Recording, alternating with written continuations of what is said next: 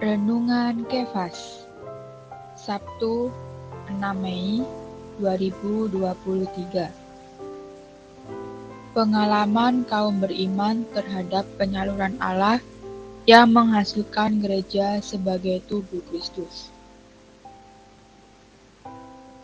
Roma pasal 8 ayat 10 berkata, Tetapi jika Kristus ada di dalam kamu, maka tubuh memang mati karena dosa.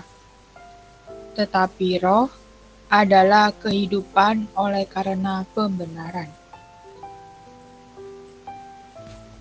Puji Tuhan, ada satu hukum lain yang sudah diletakkan di dalam kita, yaitu Allah Tritunggal menjadi hukum roh hayat. Hari ini dia adalah satu hukum bekerja di dalam kita. Dia tidak saja dengan identitasnya sebagai Allah yang Maha Kuasa bekerja di dalam kita. Lebih-lebih dengan satu hukum, secara otomatis bekerja di dalam kita untuk mengubah kita. Sekarang yang kita perlukan adalah dalam roh bekerja sama dengan fungsi hayat Allah ini. Inilah pertumbuhan hayat, terus berlanjut sampai hayat kita matang, menikmati semua berkat penyertaan Allah. Kristus di dalam kita sama seperti listrik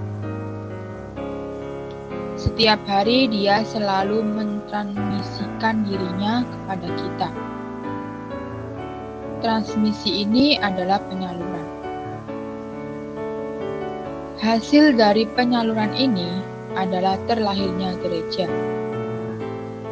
Gereja ini ada tubuh Kristus, kepenuhan dia yang memenuhi semua dan di dalam segala sesuatu. Karena Kristus itu agung, Al-Muhid meluas tak terbatas di dalam semua dan memenuhi semua. Sebab itu dia perlu satu tubuh universal yaitu gereja. Penyaluran Bapa, penyaluran Putra, penyaluran Roh ditambah transmisi Kristus yang unggul mentransmisikan dirinya ke dalam kita.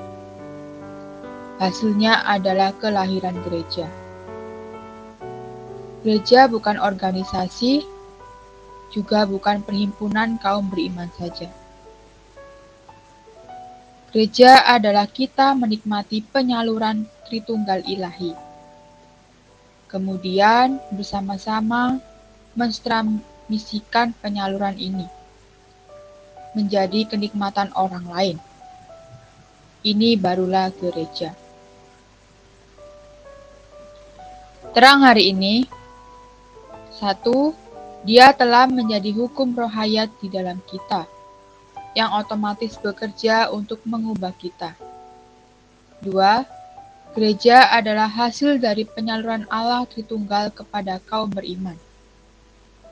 Doa hari ini, berdoa agar Tuhan terus menjaga kita dalam bekerja sama dengan dia, untuk mau diubah serupa dengan dia, melalui taat dengan hukum rohayat yang di dalam.